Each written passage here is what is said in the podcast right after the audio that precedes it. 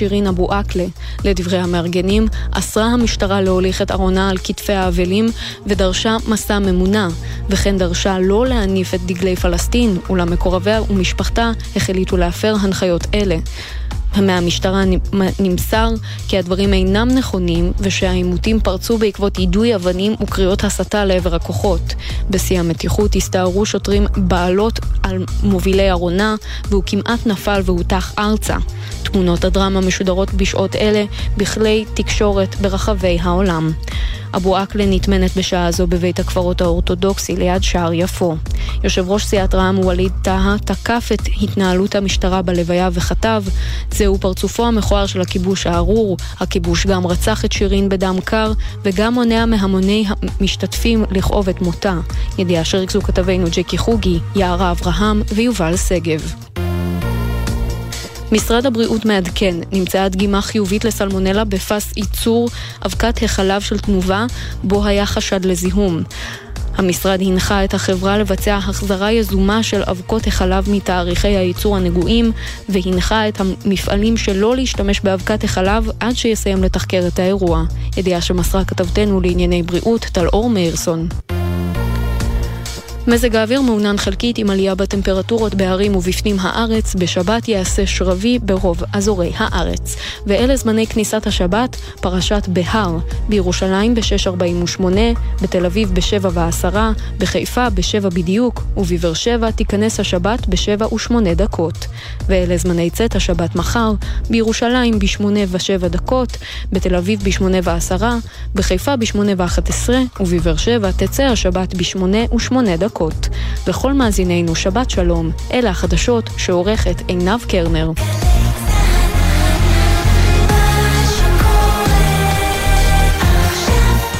עכשיו בגלי צה"ל, ציפי גונגרוס, עם ספרים רבותיי ספרים.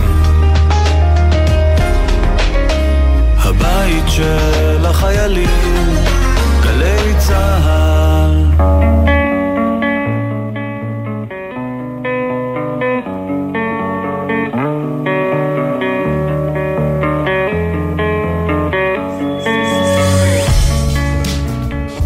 רבותיי, ספרים, סיכום שבועי, שלום לכם, תודה שאתם איתנו. סיכום שבועי בשבוע שנע בין קואליציה מתנדנדת לבין העדות של שלמה פילבר במשפט נתניהו, בין מאה אלף כרטיסים שנמכרו לשתי ההופעות של להקת מרון פייף, לבין המגבלות שהוכרזו על מספר המשתתפים בהילולה במירון בעקבות האסון לפני שנה. עשרים אלף משתתפים שידרשו לקנות כרטיסים מראש רק הדלקה אחת ורק ארבע שעות שבהן מותר לשהות במתחם. ספרים, רבותיי, ספרים, אני ציפי גון גרוס, איתי המפיקים עשאל פלד, יותם פוגל ותמנה צורי, על הביצוע הטכני גלעד בלום ובארי מונזון, בפיקוח הטכני מיכאל אבו. בשעה הקרובה נדבר עם פרופסור אריאל הירשפלד על ספר השירים המאוד מיוחד של ציפורה הלר אל אור, ובכל זאת מתלקח האור. נשמע מעמוס לויט על הספר טילי אהובתי שערך. כולו מכתבים בין סבא שלו לבין סבתא שלו, בין פלסטינה לגרמניה, במהלך מלחמת העולם השנייה. נדבר עם יותם טולוב על הרומן שלו ביום שיגמר הכסף, ועם אסתר בלומברג נשוחח על הספר שלה נעלמות, נשים במלכודת האלימות הסמויה.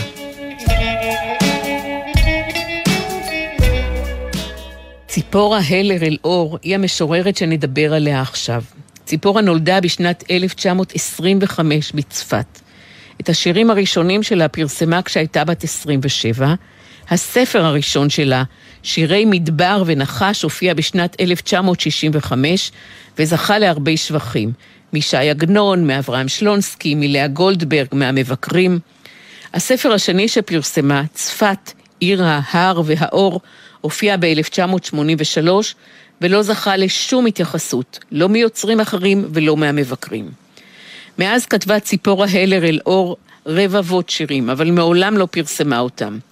עד שהאחיין שלה, איש הקולנוע רנן שור, גילה בביתה את האוצר הזה. מאות מחברות כתובות, מכתבים מרגשים שכתבו לה יהושע בר יוסף, לאה גולדברג, שי עגנון, ורנן שור התחיל להוביל את המהלך האמיץ שהניב את הספר. מסע שעבר גם דרך העורכת עליזה ציגלר, דרך אורחות השירה נועה שחר ומירה למשה אלבו, ודרך הקריאה האוהבת והמתפעלת של נורית זרחי, של פרופסור אריאל הירשפלד. שלום אריאל הירשפלד. שלום, שלום. בוא נשמע קודם כל יחד את ציפורה הלר קוראת שניים משיריה. כילדה קטנה בבית אבי, ירד על ליבי נרו של רקיע, ובשלגים, בחשיכה, בגשם ובקור. מעיין נשמה הוא מתיז על שביל ובותירת שבילי, כעין נפקחת אל החשיכה ושואבת אורה ממנה.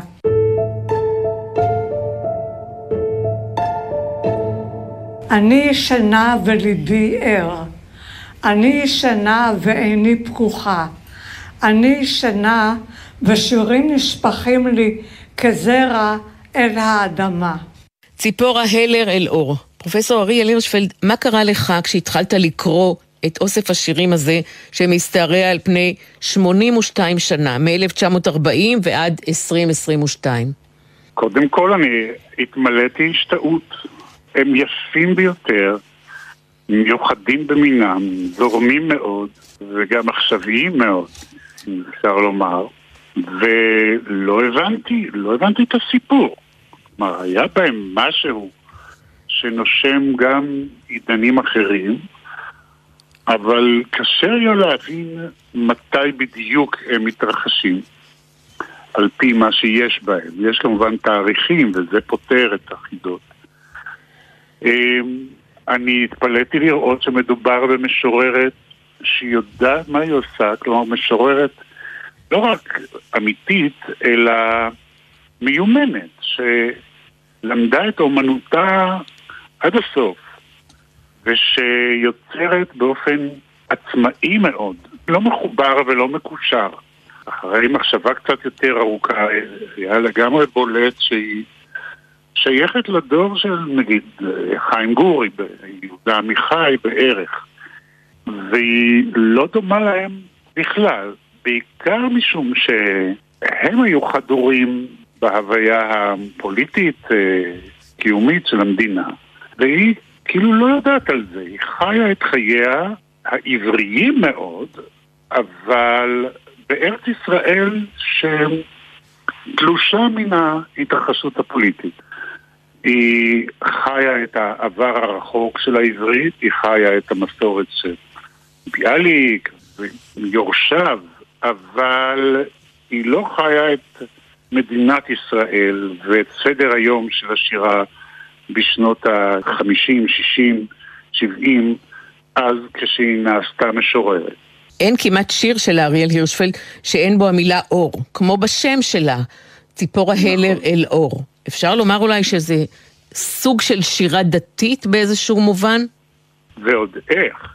זאת שירה דתית מאוד, אבל לא דתית במובן המקובל אצלנו. כלומר, לא שייכת לו סגנון הדיבור של שירות דתיות מקובלות, וגם לא למסגרות מחשבה דתיות. מבחינת החופש המחשבתי והחושני, כמו כל שירה גדולה, היא בעצם חילונית. אבל הרגישה המפעמת בה היא דתית מאוד. היא באמת משוררת דתית בשורש נשמתה. וצפת, שבה היא נולדה, היא גיבורה בהרבה מהשירים שלה. למשל, היא כותבת, נר אלוהים יורד בעירי הלבנה, השקויה. כן. אור הדס, הפתוחה אל הלילה. צפת היא באמת משוררת צפתית. היא לוקחת את המקום, קודם כל הנוף, הנוף הפיזי של הגליל העליון והנופים הנגלים שם, של הכנרת, של הגולן, של הר מירון, הם נמצאים הרבה. כלומר, הסביבה הזאת חיה שם. וגם העבר הצפתי, העובדה שהעיר הזאת זה העיר של המיסטיקה העברית מאז ימי התנאים בעצם, אבל בעיקר מימי הארי.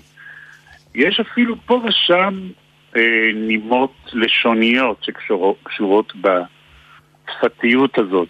כלומר, טיפה של ארמית, של קבלה, וגם טיפה של רמזים של סמלי קבלה, אבל מעט מאוד אגב, הרבה פחות ממה שאלה שרושמים על עצמם מקובלים אה, אה, אה, משתמשים.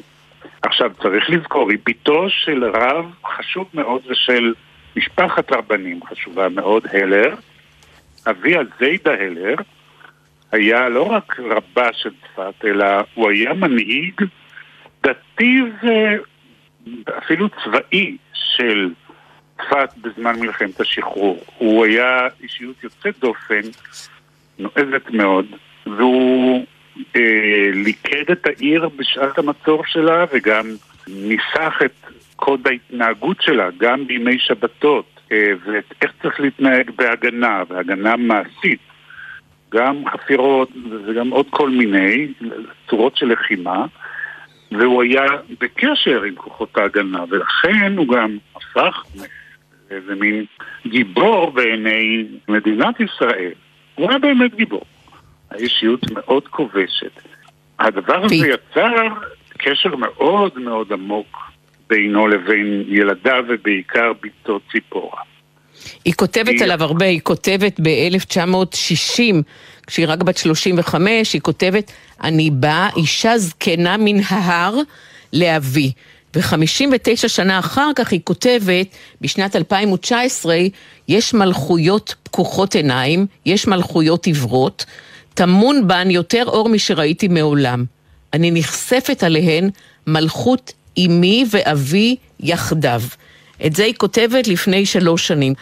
ומתבקשת כאן השאלה אריאל הירשפלד, מכיוון שהיא לא פרסמה, לא פרסמה כמעט, או לא כמעט, היא לא פרסמה שום דבר מאז שהספר השני שלה לא זכה לשום תגובה. אפשר לראות התפתחות שחלה בשירים שלה, למרות שלא היה פידבק חיצוני ממבקרים, מקוראים? כן, יש, אבל זאת לא התפתחות אה, שניכרת כלפי חוץ בצורות, או... היא בעיקר בתכנים, וההתבגרות שלה וההכרעות הקיומיות שלה. למשל, ההכרעה שלה לא להתחתן, אה, והיא רואה בזה איזה מין נזירות למען מורשת משפחתה, מורשתו של אביה. זאת המצאה שלה, וכך היא עושה. אה, וחרף החושניות הבלתי רגילה שלה היא נותרה אה, בגפה כל חייה, וההכרעות האלה גם יוצרות סוג של חוויות שהולכות ומתעצמות, גם של בדידות אבל גם של התגלויות יותר ויותר נועזות, וזה כן התפתחות. כלומר, בזה היא חשה וחוותה התפתחות גדולה בחייה. ויש בתוך הספר הזה גם ראיון של הראיון שלה עם רנן שור, שבו היא מתארת את הפגישה שלה עם לאה גולדברג. והיא מסיימת את התיאור הזה כשהיא אומרת, בינות לפרחים ערכה השיחה כשעתיים, היינו, אנחנו היינו כל אחת כמו שאנחנו. וזאת הגדרה מאוד מאוד יפה של היא הייתה כמו שהיא ולאה גולדברג הייתה כמו שהיא. כן. קודם כל צריך לשים לב לתשומת הלב הנדירה שהייתה ללאה גולדברג למשוררים סביבה, לא רק כלפי ציפורה הלר, אבל גם במקרה של ציפורה הלר זה מזדהר.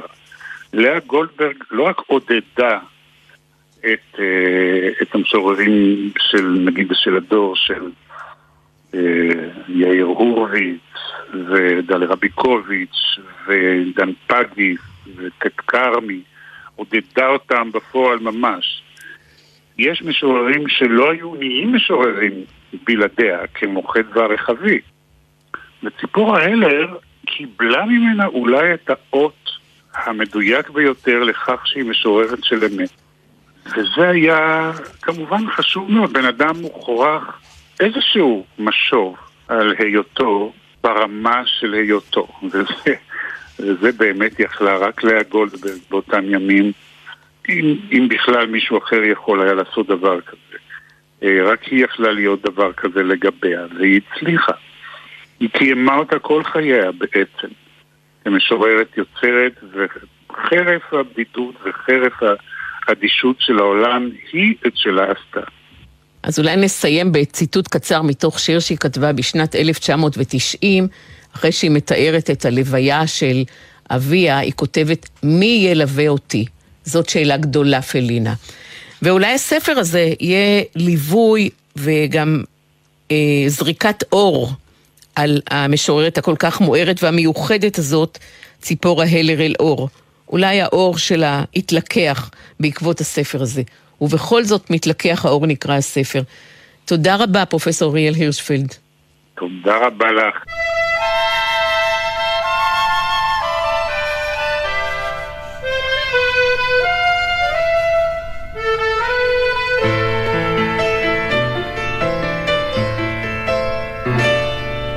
ביום שיגמר הכסף, הוא הרומן החדש שכתב יותם טולוב.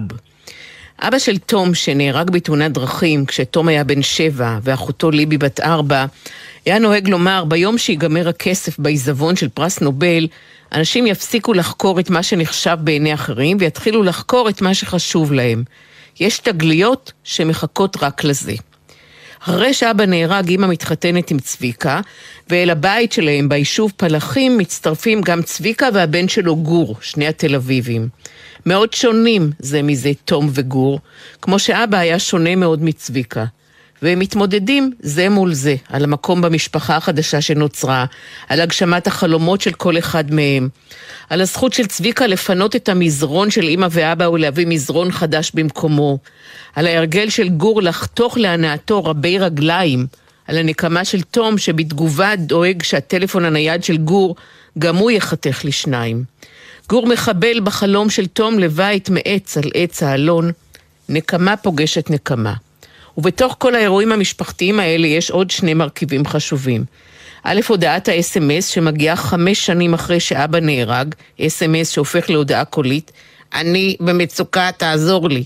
זו הודעה קולית ממספר הטלפון של אבא, ובית בעלי המוגבלויות שהחברה מבודדת ובאמצעות המטפלים מלעיטה בכדורים, קושרת לכיסא או למיטה, מכה, מקלחת בכוח. ביום שיגמר הכסף הופיע בהוצאת כתר. שלום יותם טולוב. שלום, שלום. בית. אני חושבת שבית והמשמעות העמוקה שלו זה אחד הנושאים המשמעותיים בספר שלך. הבית שאבא ואימא ותום וליבי עברו אליו, הבית הבא שאבא בנה להם במהירות מול היערות מיד אחרי שעברו לבית החדש וגם הכניס לתוכו כל מיני הפתעות. בית העץ שאבא ותום היו אמורים לבנות אבל אבא נהרג בתאונה. מי יבנה אותו במקומו? גרשון, החבר של אבא מהמושב. אולי צביקה שהתחתן עם אימא. גור שנוקם ומחבל בחלום הזה. הבית. כן, אה, הבית זה אולי לא בכדי, זה הנושא של הספר. אה, אני ואשתי עוברים בממוצע כל שנתיים בית. אה, והספר הזה נכתב בבית הקודם שלנו שהספקנו לעבור מאז. אז אני כן עסוק בשאלה מה הופך מקום לבית. כי ברור שזה לא הבעלות עליו, כי את זה אין לנו. ו... ולאורך הספר יש ניסיון מאולץ הרבה פעמים להפוך בית להום, לבית אה, ש... שאנשים אה, חוזרים אליו ומרגישים שלשם הם שייכים. ואני חושב גם שזה מתחבר לחלק השני של הספר, של אנשים שגרים במקום שנותנים לו את השם בית, אנשים עם מוגבלות שגרים במוסד, שהרבה פעמים מקפידים לתת אה, כותרת של בית, בית לחיים, בית כלנית, זה השם של זה בספר, וזה הכל חוץ מבית. אמרנו בית, תום מספר בספר על החלונות, שדרכם אפשר להסביר המון. החלון הראשון הוא כל מה שבן אדם יודע על עצמו ואחרים יודעים עליו, נניח איך הוא נראה או שקוראים לו תום. החלון השני הוא דברים שאדם יודע על עצמו ואחרים לא יודעים. החלון השלישי הוא הנסתר, דברים שאתה לא יודע על עצמך וגם הסביבה לא יודעת. והחלום הרביעי הוא דברים שכולם יודעים עליך ואתה לא יודע על עצמך. זה היה נשמע לי כשקראתי קצת כמו וריאציה על פרויד, המודע, הלא מודע, התת-מודע. כן, והמשחק ביניהם, אה, והשאלה שבן אדם שואל את עצמו, אה, באיזה חלון הוא נמצא, מהרגע שאתה מודע לזה שכל החלונות הם אפשרויות, והמצאתי גם חלון חמישי שם של דברים שאתה יודע וכולם חושבים שאתה לא יודע ובסוף מסתבר שאתה צדקת.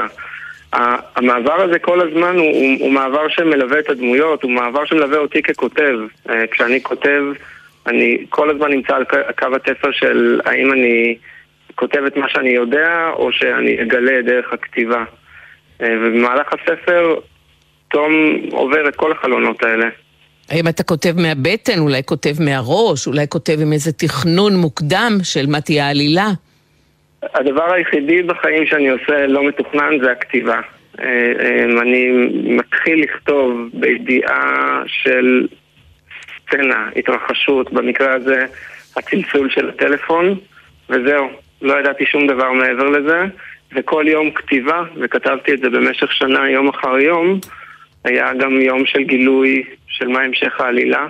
לא ידעתי שיהיו אנשים עם מוגבלות בספר הזה, לא חשבתי שזה ייקח לשם, אבל הספר לוקח אותך. ואבא של תום נהרג בכביש בשעה אחת אחרי חצות. מה הוא בעצם עשה בכביש הזה באחת אחרי חצות? אולי המוות שלו באיזשהו מקום קשור גם לתום, כי בתוך התיק של אבא היה הספר ההוביט, שתום ביקש ממנו להביא, יותר נכון, להחזיר הביתה. הוא גם חש אשמה, תום. כן, תום יוצא מנקודת הנחה, אני חושב כמו הרבה ילדים, שהדברים שקורים בחיים קשורים אליו, הדברים הגדולים שקורים בחיים קשורים אליו, באשמתו, וגם שיש לו כוח להשפיע עליהם. אה, ובמובן הזה תום יוצא למסע עם אה, גם מחשבה שהוא יכול להחזיר את אבא, אה, אפילו מהמתים. במהלך הכתיבה של הספר רציתי לדעת אם זה הגיוני. אם ילד שאיבד את אבא שלו בתאונת דרכים חמש שנים קודם, יכול באמת לחשוב שאבא שלו בחיים. פגשתי ילד מקסים שאבא שלו נהרג, ושאלתי אותו זה, פגשתי אותו שש שנים אחרי שזה קרה. והוא אמר לי, שבוע שעבר, לראשונה חשבתי שאולי זה באמת אה, נכון שהוא מת. כלומר, ההחזקה של התקווה הזו וגם החוקי מציאות האחרים של הילדות מרתקים אותי ו... ומשם התחלתי, אה, עם הכוח הזה שיש לתום. ואני חושבת שעוד נושא בספר הוא עניין הנקמה. הדחף לנקום מצד אחד, כמו שתום נוקם בגור בגלל שגור מתעלל ברבי הרגליים, כמו שגור נוקם בו בחזרה ומזמין כורתי עצים. אבל מצד שני, תום מגיע לבית של האיש שדרס למוות את אבא שלו, שישב בכלא, כבר השתחרר, והוא לא רוצה לדעת מה רוני הדורס סימס באותו זמן. כל מה שהוא מבקש לשמוע ממנו זה, אחרי התאונה, אתה בעצם היית האיש הראשון שניגש אליו? יש בזה משהו מאוד אה, נוגע ללב, מלא חמלה. הוא, הוא מערבב את הכל, הוא מערבב תום, תום קודם כל מתבונן, ולכן כשהוא פוגש את הבן אדם האחרון שראה את אבא שלו, הוא רוצה להתבונן דרך העיניים של רוני ולראות את זה. והכוח של הנקמה שגור מחזיק בספר הוא באמת כוח שהוא גם טיפה מדבק, זאת אומרת גם ילד כמו תום שזה לא המנוע המרכזי שלו נדבק בו ובסופו של דבר זו נהיית פעולה מאוד מרכזית בספר, מעשה הנקמה, כולל השאלה על האם הנקמה הזו היא, היא ראויה, לא במובן של האם זה מעשה מוסרי, אלא האם המוטיבציה לנקום היא מוטיבציה שאפשר להזדהות איתה אה, לאורך הספר. ולאחרונה שמענו על שלושה חוסים שמתו מהרעלת מזון במעון בחולון בבית דפנה. חדשות לבקרים שומעים על התעללויות במעונות של חוסים. איך נכנסים יותם לתוך הרומן שלך, גם לתוך החיים, בעלי המוגבלויות שהחברה מבודדת? אני חושב שקשה לאנשים להיכנס אל תוך המוסדות. פיזית קשה להיכנס כי הם מבודדים, ואף אחד לא באמת רוצה להיכנס אליהם. ובתחילת הדרך, כשהתחלתי לכתוב את הספר, זה מה שעשיתי. הלכתי למוסדות, כולל המוסד בית אפנה, שאירע בו אירוע לפני שבוע. הלכתי וראיתי ויש סצנות בתוך הספר של לקוחות מתוך המוסד הזה. בן אדם שיושב ערום במוסד בגלל שלא קונים לו בגד אה, שהוא מותאם לרגישות הסנסורית שלו. לצערי המון תיאורים בספר, וגם uh, אני מציין את זה בסוף, הם לקוחים מהמציאות, והורדתי טיפה את המינון, כי לא רציתי לגלוש לתיאורים uh, גרפיים קשים מדי. Uh, אף אחד לא רוצה להיכנס לשם. אני אפילו לא רציתי. כשכתבתי את הספר הזה, כתבתי אותו אחרי עשר שנים שעסקתי בנושא של אנשים עם מוגבלות בעמותת בזכות, ניהלתי את העמותה ואמרתי אני רוצה פסק זמן. אבל הספר לקח אותי לשם ובסופו של דבר זו קצת הפעולה שאני עושה עם הקורא. אה, הקורא שמתחיל לקרוא את הספר הזה לא יודע שהוא הולך לסיים את הספר עמוק בתוך המוסדות האלה והוא נשאר עם המועקה הזו בסוף.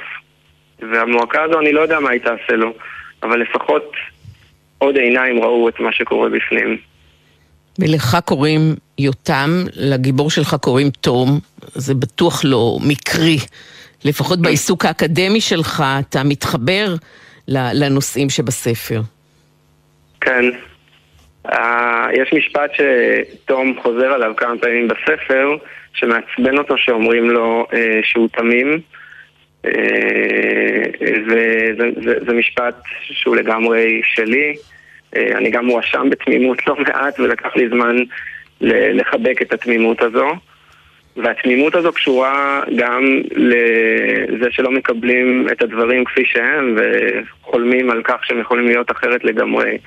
במובן הזה האקטיביזם שלי בעולם המוגבלות והכתיבה, למרות שהם עם אנרגיות שונות לגמרי, הן ניזונות מאותה תכונה, שזה היכולת לדמיין, היכולת לדמיין אחרת.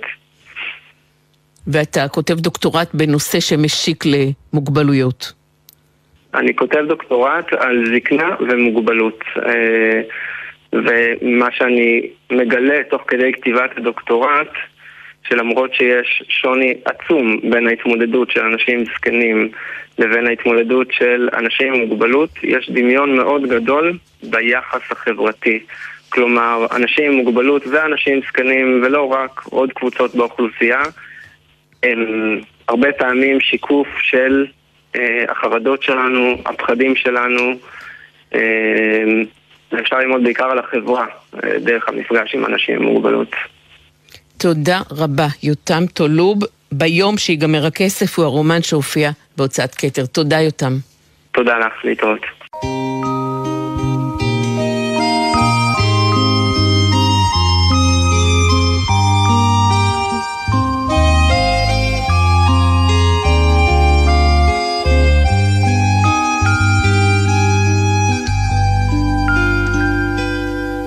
נעלמות, נשים במלכודת האלימות הסמויה, הוא ספר חדש שכתבה אסתר בלומברג והופיע בהוצאת כרמל ירושלים.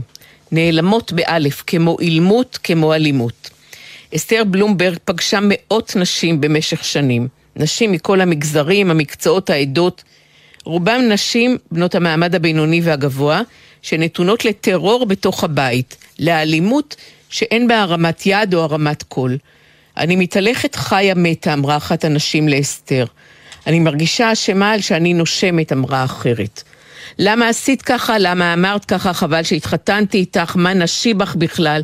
שלא תעזי ללכת להורים שלך, התחתנת איתי ולא איתם. אלו ציטוטים נבחרים שאנשים הביאו מהבית. וגם אחת מהן אמרה, אני צועקת ואף אחד לא שומע. וכך היא תיארה את היחס של המטפלים אליה. שלום אסתר בלומברג. שלום, ציפי. נושא האלימות במשפחה מעורר עניין, כעס, דיון, מחאה. כבר הרבה זמן הוא צף בעוצמה, בעיקר בכל פעם שנרצחת אישה בבית. בכלל, האלימות נגד נשים כבר ידועה משחר האנושות. בתנ"ך למשל, האונס של דינה בת יעקב, ההיתר לקחת שבויה יפת תואר, הסיפור של פילגש בגבעה. במה מחדש הספר שלך ובמה מחדש המודל שאת בנית? תוך כדי תנועה בניתי מודל של רצף האלימות, אני קוראת לו מודל רצף האלימות, שמתחיל מרגע ההיכרות וגם אחרי שהיא כבר ניתקה את הקשר. זה רצף גלי אחד שאני מחלקת אותו לארבעה תקופות. התקופה הראשונה זה לפני, לפני מיסוד הקשר, זאת אומרת, בתקופת ההיכרות. התקופה השנייה העיקרית אולי, המרכזית, זה בזמן מיסוד הקשר, זה יכול להיות נישואים דתיים או נישואי, נישואי, נישואים לא דתיים. התקופה השלישית המורכבת מאוד זה התקופה שהאישה מבקשת לצאת מהקשר. מהרגע שהיא מבקשת לצאת מהקשר, כללי המשחק משתנים, זאת אומרת, עוצמת הגלים והמרווחים ביניהם משתנים, אבל גם אם האישה הצליחה לצאת מהקשר, התגרשה, או כמו שאומרים, היא כבר לא מסורבת גט וכן הלאה, הסיפור לא מסתיים, הוא ממשיך, הגלים ממשיכים. עכשיו, בכל תקופה, עוצמת הגלים והמרווחים משתנה, אבל זה רצף אחד. מה שגם למדתי עם הזמן, ופגשתי מאות נשים, שבכל נקודה על פני הרצף אני יודעת מה היה ואני יודעת לקראת מה היא הולכת. אני לא יודעת את הגוון. ואולי אני, אולי אני אה, אה, אתן לך סתם דוגמה הכי פשוטה. כשאנחנו לוקחים אחד ועוד אחד, זה נותן לנו שתיים. זה אף פעם לא ייתן 1.009 ולא 2.001. אבל אם ניקח 50 ילדים ונגיד להם, תציירו לנו אה, או תכתבו לנו אחד ועוד אחד נותן שתיים, אחד יכתוב את זה בגודל של מילימטר, ואחד בגודל של מטר, ואחד באדום, ואחד בסגול, אבל תמיד זה יישאר אחד ועוד אחד נותן שתיים. וזה בעצם המודל שאני בניתי. את הגוון, את הצבע ואת העוצמות, יש הבדלים עצומים. אני יכולה לשבת ולספר לך חודשיים גוונים וצבעים. אבל המודל שלי זה אחד ועוד אחד נותן שתיים. אסתר, את בעצמך גדלת בקהילה חרדית בחיפה. במה נכון. שונה האלימות הסמויה שמתרחשת ברחוב החרדי מזאת שמתרחשת בחברה החילונית? אני שמחה לשאלה הזאת. היא לא שונה. הגוון שונה. וכאן כל הזמן המיתוס הוא שהחברה החרדית מסתירה והאלימות שם שונה ולא מספרים. ולעומת זה בצפון תל אביב או בגבעת שמואל כאן מספרים. זה לא נכון. הסיפור הוא לא סיפור של חברה, הסיפור הוא סיפור של פרופיל של אישיות. זה לא קשור לחברה. יש נשים, בואי אני אולי אלך למקומות היותר קיצוניים, יש אישה במאה שערים שיש לה עשרה ילדים, היא עובדת קשה, אבל בעלה נושא אותה על כפיים. יש גם את ההפך. ויש אישה בצפון תל אביב שגרה בפנטהאוז, והיא נוסעת עם, עם, עם ג'יפ מפואר, אבל כשהדלת בבית נסגרת זה גיהנום מלא אדמות, ויש גם ההפך. זאת אומרת, הסיפור הוא לא סיפור של חברה דתית או חברה חילונית, הסיפור הוא סיפור של פרופיל של הגבר. וזה לא קשה, וזה יכול גם להיות אותו דבר בקיבוץ, זה פרופיל של אדם עם אישיות קיצונית מניפולטיבית שאין לו אלוהים. או נגיד לזה בצורה אחרת, שאין לו מצפון. ואני פגשתי נשים חרדיות, מה שאנחנו קוראים להן נשים קיצוניות, ושהן חיות חיים נפלאים, וההפך. באחד הפרקים בספר את מתייחסת לאלימות מינית, ואז דרישה של הגבר האלים לקיים איתו יחסים בזמן שהאישה בנידה, או לפני שהיא טבלה במקווה, בחברה החרדית זאת אלימות קיצונית. כן, אבל האלימות הזאת של פגיעה מינית, אני אולי רק אגיד משהו, אנחנו, כל הנושא הזה של המיטו, בעיקר מתייחס לנערות או נשים עם, עם אדם זר.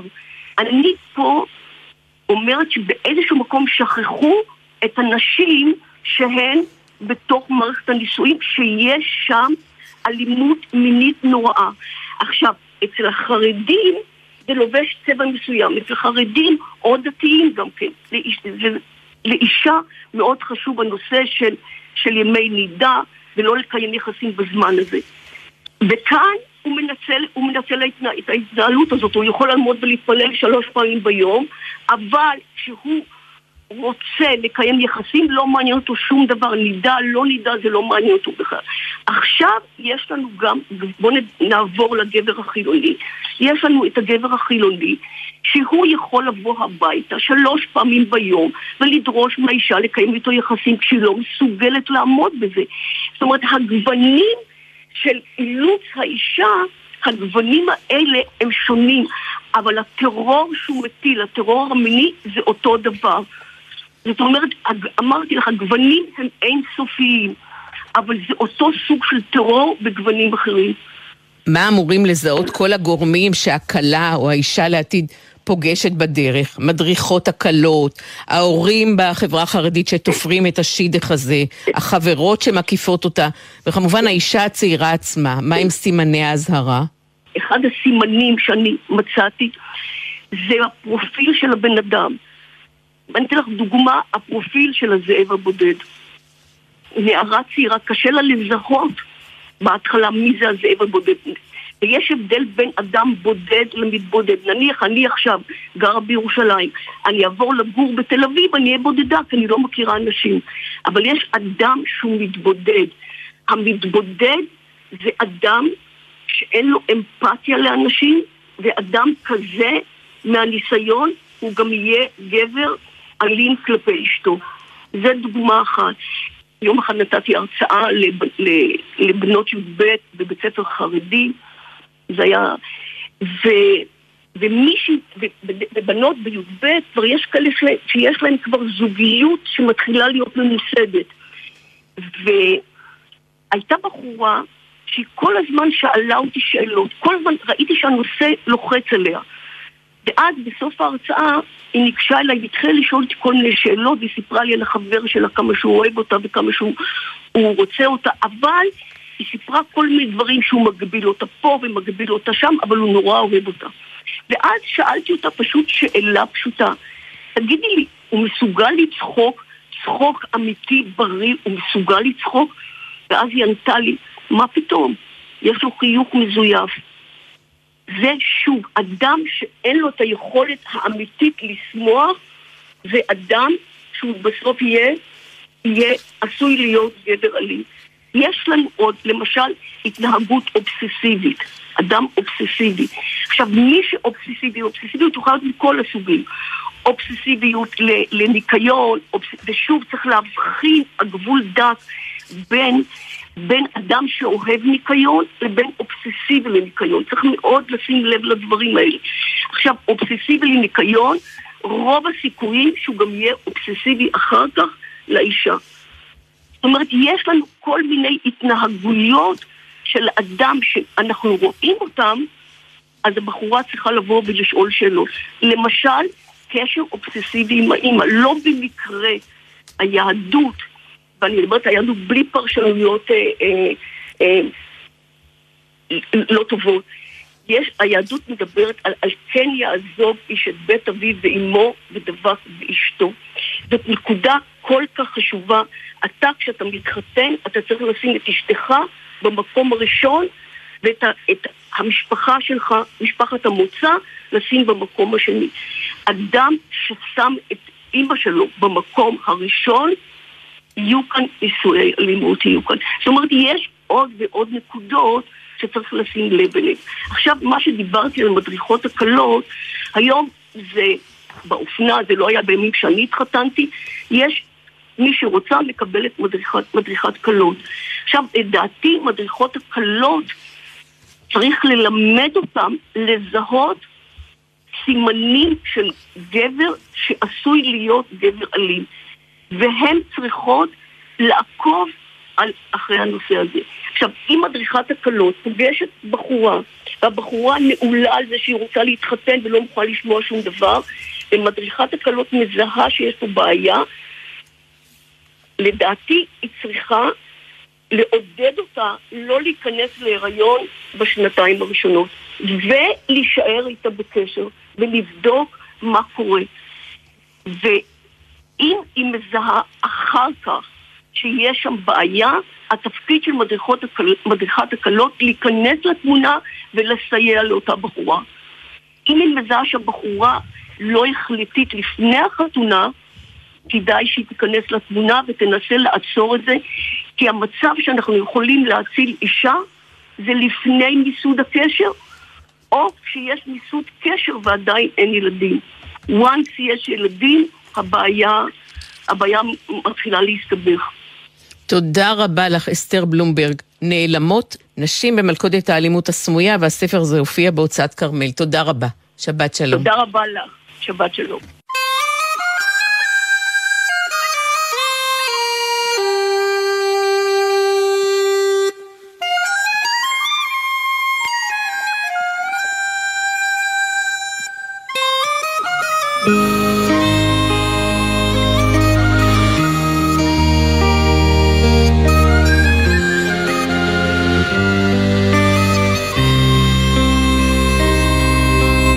הספר שמונח כרגע לידי נקרא טילי אהובתי, והוא כולו כולו מכתבים. לא רומן מכתבים, אלא ספר שמכיל 201 מכתבים, מחציתם בערך נשלחו מגרמניה לפלסטינה, ומחציתם מפלסטינה לגרמניה. המכתב הראשון נכתב ב-31 באוקטובר 1938 בתל אביב, מוולטר לטילי ולגבי האהובות שלו בגרמניה, והאחרון נשלח ב-2 במאי 1945, ימים ספורים לפני כניעת גרמניה הנאצית, וחתום עליו קלאוס פורסטנסר, אחד מבני המשפחה שחזר לגרמניה כקצין בצבא האמריקאי. רוב הספר הוא מכתבים בין טילי לבין ולטר. טילי וולטר זוג נשוי, טילי בגרמניה יחד עם בתם גבי, ולטר בפלסטינה יחד עם פטר הבן שלהם. טילי נעה בגרמניה בין ברלין לבין בראונשוויג כדי להפוך את היציאה של ולטר ופטר לפלסטינה ליציאה קבועה, וגם כדי לנסות לארגן את היציאה שלה, של הבת שלהם גבי, ושל חמה, האבא בן ה-80 של ולטר, היציאה שלהם לפלסטינה. הרקע ההיסטורי של המכתבים הוא המאורעות, הגזרות, ההגבלות, האיסורים שמתרחשים בגרמניה לפני ואחרי ליל הבדולח. מי שתרגם את המכתבים, נסע לגרמניה בעקבות ההיסטוריה המשפחתית, חרש את הארכיונים בגרמניה, ובסופו של דבר הוציא את הספר, הוא עמוס לויט, הנכד של טילי ווולטר. שלום עמוס. שלום וברכה ציפי. ספר לי בטובך על טילי ועל ולטר ועל שני הילדים שלהם, פטר וגבי. פיני היא הייתה דמות חזקה בחיים גם לאחר אה, המלחמה, היא אדם חזק שהחזיק את המשפחה ומבחינתה היה באותה תקופה הדבר הכי חשוב היה להציל את המשפחה ממה שנראה היה לה סוף לא טוב. והיא כותבת במכתבים האלה תוציאו אותנו מפה ותוציאו אותנו מפה ואיך היא מנסה להילחם בכל הגזרות. זה, זה עיקר המכתבים. המכתבים מהצד מתל אביב הם מכתבים של ולטר, שהוא הרבה יותר נינוח. רואים את ההבדלים במתח שבין הדמויות, בין הדמות שחיה בגרמניה לבין הדמות שחיה בפלסטינה, או לא חיה, אבל כבר היא נמצאת בפלסטינה, ומרגישים במכתבים האלה את ההבדל העצום במתח שבין הצדדים. הגיעו לפלסטינה, הוא הגיע לפלסטינה אחרי הבן שלו פטר. פטר הגיע אה, שנתיים קודם ללמוד כאן בבית ספר מקס פיין. אה, התירוץ שפטר נתן לי כשראיינתי אותו היה שלא נתנו להתחרות בנבחרת השחייה של בית הספר בגלל היותו יהודי ולכן הוא החליט לעלות לפלסטינה. העלייה שלו לפלסטינה בעצם אה, הייתה הגורם כי בשנתיים יותר מאוחר הגיע מבית הספר מכתב שאמר שאם אחד ההורים לא יגיע לאספת ההורים, אה, הילד צריך לציין את לימודיו ועם המכתב הזה ולטר הלך לגסטאפו ול-SS וקיבל בסופו של דבר אישור יציאה לפלסטינה. זה סיפור מדהים מה שאתה מספר, בגלל שאמרו נו נו נו, נא לבוא לאספת הורים, הוא הצליח לשכנע את הגסטאפו לאפשר לו לצאת. כן, זה בדיוק היה הסיפור, זה בדיוק היה הטריגר, מכתב שלכאורה נראה תמים מאוד. זה היה המכתב שהציל אותו לפחות את ולטר מה... מכל האירוע. הוא יצא ב-24 לאוקטובר 38 אה, אל, אה, לדרך. והמכתב הראשון אה, היה כאשר הוא הגיע באונייה לתל אביב, אז הוא כבר הגיע לנמל תל אביב, ומשם מתחיל הסיפור שלו בפלסטינה, כאשר טילי וגבי עדיין, גבי אימא שלי, עדיין היו בגרמניה. מקום נכבד במכתבים תופסים האיסורים שהולכים וסוגרים על היהודים בגרמניה. לילדים היהודים כבר אסור ללכת לבית הספר, היהודים לא מורשים להחזיק כסף, אסור להם לנהוג, אסור לשלוח חבילות. למשל, בשלושה בינואר 39 כותבת טילי, זה לא יכול להימשך כך, חייבים להתקדם ובשיא המהירות. אני לא מסוגלת להישאר כאן יותר, מילא אני, אבל גבי נהרסת כאן. אתה לא תכיר את הילדה, היא חיוורת, ביישנית, אין אף אחד עלי אדמות שיכול לעזור לי. כן, זה היה, זה היה כבר רגעי התחינה, אבל uh, לאורך כל הדרך היא מנסה לשמור מאוד, uh, טילי במכתבים שלה מנסה לשמור מאוד על כוח ועל uh, על כוח רצון להילחם, ואותן גזרות כל הזמן הולכות ומחמירות, וכל הזמן להם את האפשרויות. וכמו כל אחד היא מנסה למצוא את הדרכים איך לעקוף. והיא עושה את זה, היא, היא מספרת את כל הדברים האלה במכתבים שהיא כותבת לוולטר בעלה פה בפלסטינה. ויש כאן כל מיני סיפורים שנגזרים מתוך המכתבים האלה, מתוך המסע שלך בעקבותיהם. יש למשל סיפור על הספר כן. זה שכמעט הגיש, בעצם הגיש תלונה על סבא שלך. כן. נכון, מה שקרה זה כמובן לא מתוך המכתבים, כי היא לא ידעה את זה, אלא בזמן שאני הייתי בארכיונים בגרמניה, גיליתי שהספר הגיש תלונה לגסטאפו נגד הסבא רבא, האבא של ולטר, על זה שבזמן התספורת הוא סיפר בדיחות על היטלר, ואפילו אמר שהיטלר היה, היטלר יכול היה משקר. עד כדי כך. אבל מתוך המחקר, החקירה שאני עשיתי, אותה תלונה נשארה רק בגדר תלונה ולא הפכה למשפט בסופו של דבר. אחד המכתבים אולי הכי מרגשים הוא הסיפור של הפרידה הכואבת בין טילי לגבי, שגבי עלתה לארץ בעליית הנוער. כן. אני אקרא קטע קצר מתוכו. כשעלינו לקרון עזרתי לה עם המזוודה. מבעוד מועד דאגתי שלא תהיה כבדה מדי, שנערה בת 15 וחצי תצליח להסתדר איתה. הסתכלתי על השעון, שבע וחמישה. עוד נשיקה, עוד חיבוק ארוך ארוך, ולרדת מהקרון. גבי התקרבה לחלון, הבכי והדמעות לא הותירו נקודה יבשה אחת בכל הפנים היפות של ילדתי. התאמצתי לא לבכות, בלעתי את המחנק בגרון וניסיתי לדחוק אותו למטה. הרכבת החלה לנוע, המשכתי לנפנף בידיי, עמדתי על קצות אצבעותיי כדי שאולי אוכל לראות אותה לעוד שנייה. המשכתי להתמתח ולנפנף גם כשאחורי הרכבת כבר נבלעו בחשיכה הכבדה ששררה מחוץ לרכבת. ואז במכתב היא מבקשת מוולטר, עכשיו תברך את הילדה שלנו, שתגיע בריאה ושלמה אל מחוז חפצה. שלך, טילי. וחשוב לי לומר שאימא שלך נפטרה בגיל 96, עמוס, ורק אחרי מותה, בעקבות בקשה מפורשת שלה, רק אחרי מותה ניגשת לתרגום המכתבים. למה כן. היא סירבה לזה כל השנים? ניסיתי, אה, כשנודע לי, כשנודע לי שהמכתבים קיימים, ניסיתי לשכנע אותה שיחד נתרגם אותם. בכל אופן, כי כשדברים מכתבים בין שני אנשים שמכירים את אותו הנושא, אז הם לא תמיד ברורים לאדם השלישי. והיו באמת קטעים ש...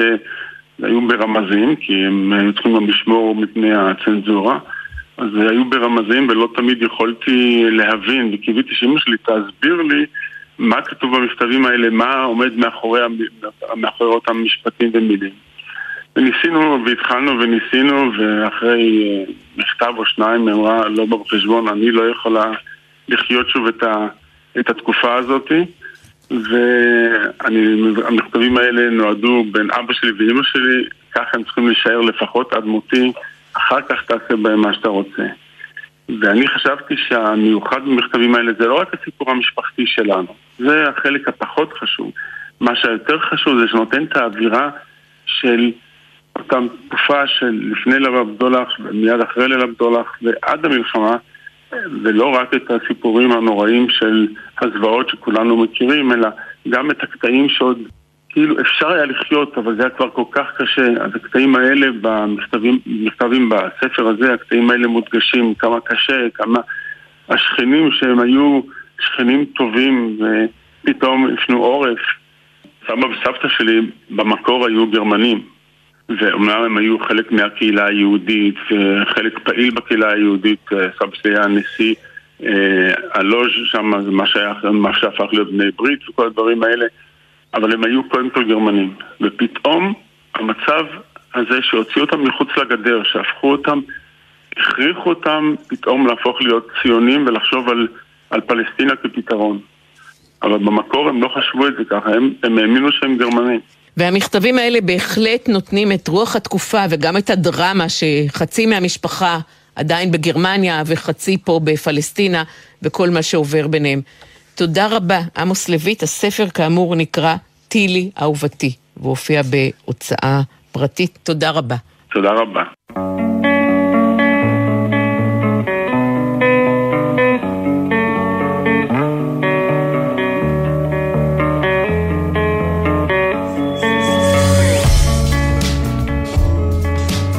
ספרים רבותיי, ספרים, עד כאן התוכנית להיום. תודה ליותם טולוב, לפרופסור אריאל הירשפלד, לאסתר בלומברג ולעמוס לויט. ספרים, גון גרוס, כרוכית ג'ימל נקודה קום, יכתוב את המייל לתגובות שלכם. באתר גלי צה"ל וגם ביישומון תוכלו להאזין שוב לתוכנית. דף הפייסבוק שלנו, ספרים, רבותיי, ספרים בגלי צה"ל, מחכה ללייק שלכם. תודה למפיקים תמנה צורי, עשאל פלד ויותם פוגל, לבארי מונזון ולגלעד בלום שעל הביצוע הטכני, ולמיכאל אבו שעל הפיקוח הטכני. המלצה קצרה לסיום, פסטיבל הסופרים הבינלאומי בירושלים, שייפתח ב-15 במאי ויימשך עד ה-18 במאי. בין השאר ישתתפו בו זוכי פרס נובל, אולגה טוקרצ'וק ופיטר הנדקה, פיטר סינגר מאוסטרליה, ג'ונתן פרנזן מארצות הברית, ג'ושוע כהן מארצות הברית, א' ב' יהושע, יובל נוח הררי, מאיר שלו, נועם פרטום, דורית רביניאן, רוני סומק, רועי חסן, יוכי ברנדס ועוד רבים רבים מהארץ ומהעולם.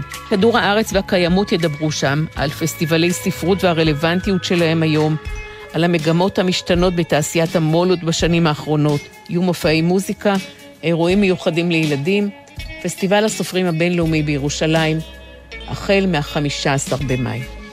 ספרים רבותיי ספרים, אני ציפי גון גרוס, שתהיה שבת שלום, ואחרי השבוע מצוין.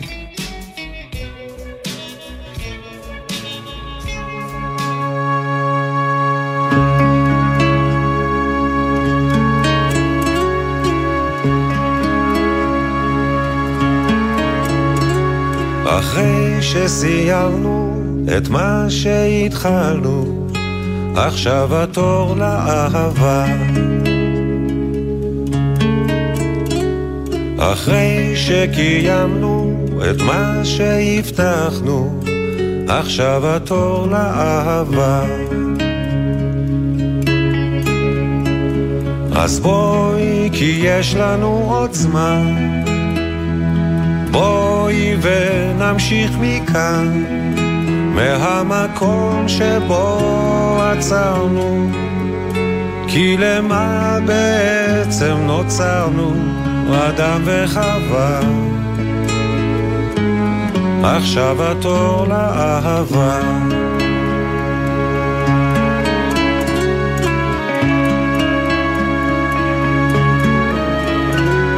אחרי שעשינו את מה שחלמנו, עכשיו התור לאהבה.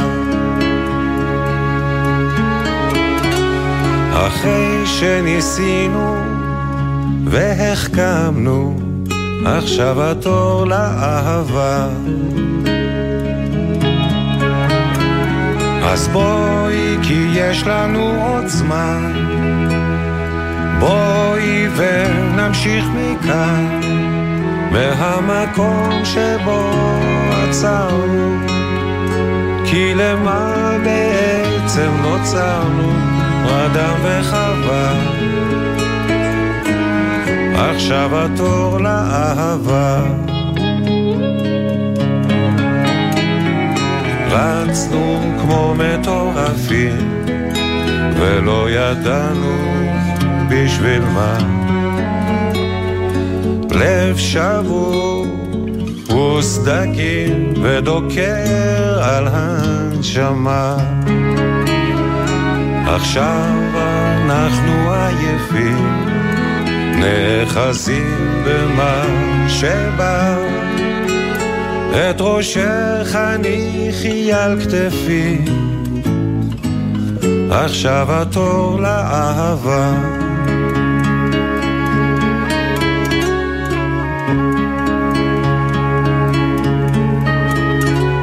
עכשיו כשנשארנו לבדנו, עכשיו התור לאהבה.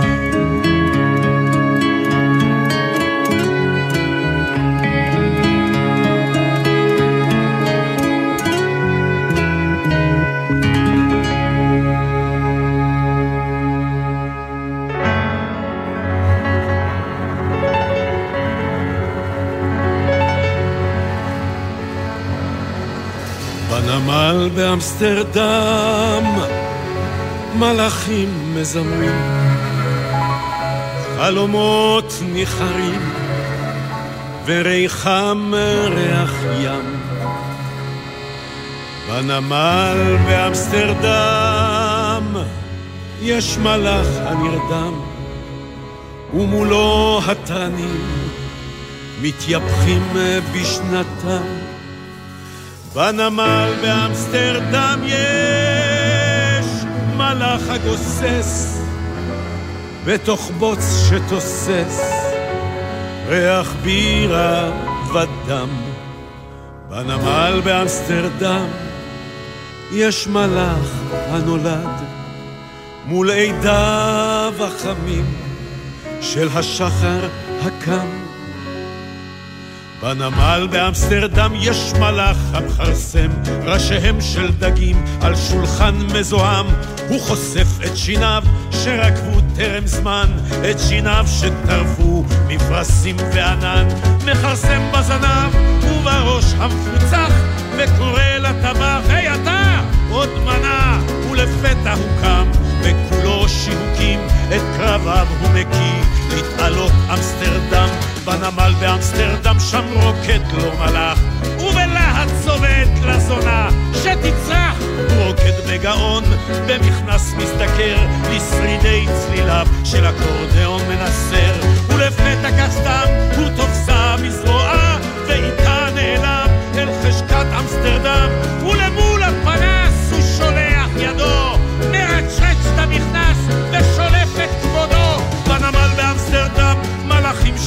שותים הם שותים ושותים הם שותים שוב שותים הם שותים לכבודן של זונות הרציפים שאלפי אנשים מחו את גבן לכבודן של פרוצות הנמכר בפרוטות ומקנחים את חותמם בבגדם זבדם וכשהם נזכרים בבגידות נשותיהם. מה נשמע, נשמע, סוף השבוע,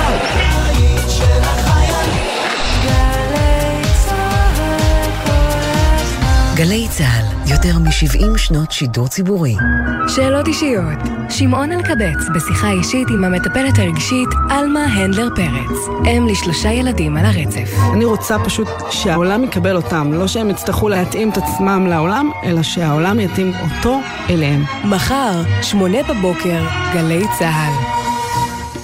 כל שבת ב-10 בבוקר, יורם סוויסה לוקח אתכם למסע מוסיקלי. והשבוע, מסע עם הפרויקט של רביבו. אני לא שמעתי את הילדים שלי הצעירים שומעים שיר אחד, מההתחלה ועד הסוף. זה דור כזה, הכל, אתה יודע, הכל מעבירים. אינסטנט, אבל כן. אצלנו אנחנו משתדלים להביא את האמת של המוזיקה. מסע עם יורם סוויסה, מחר ב-10 בבוקר, ובכל זמן שתרצו, באתר וביישומון גלי צה"ל. מיד אחרי החדשות, מוריה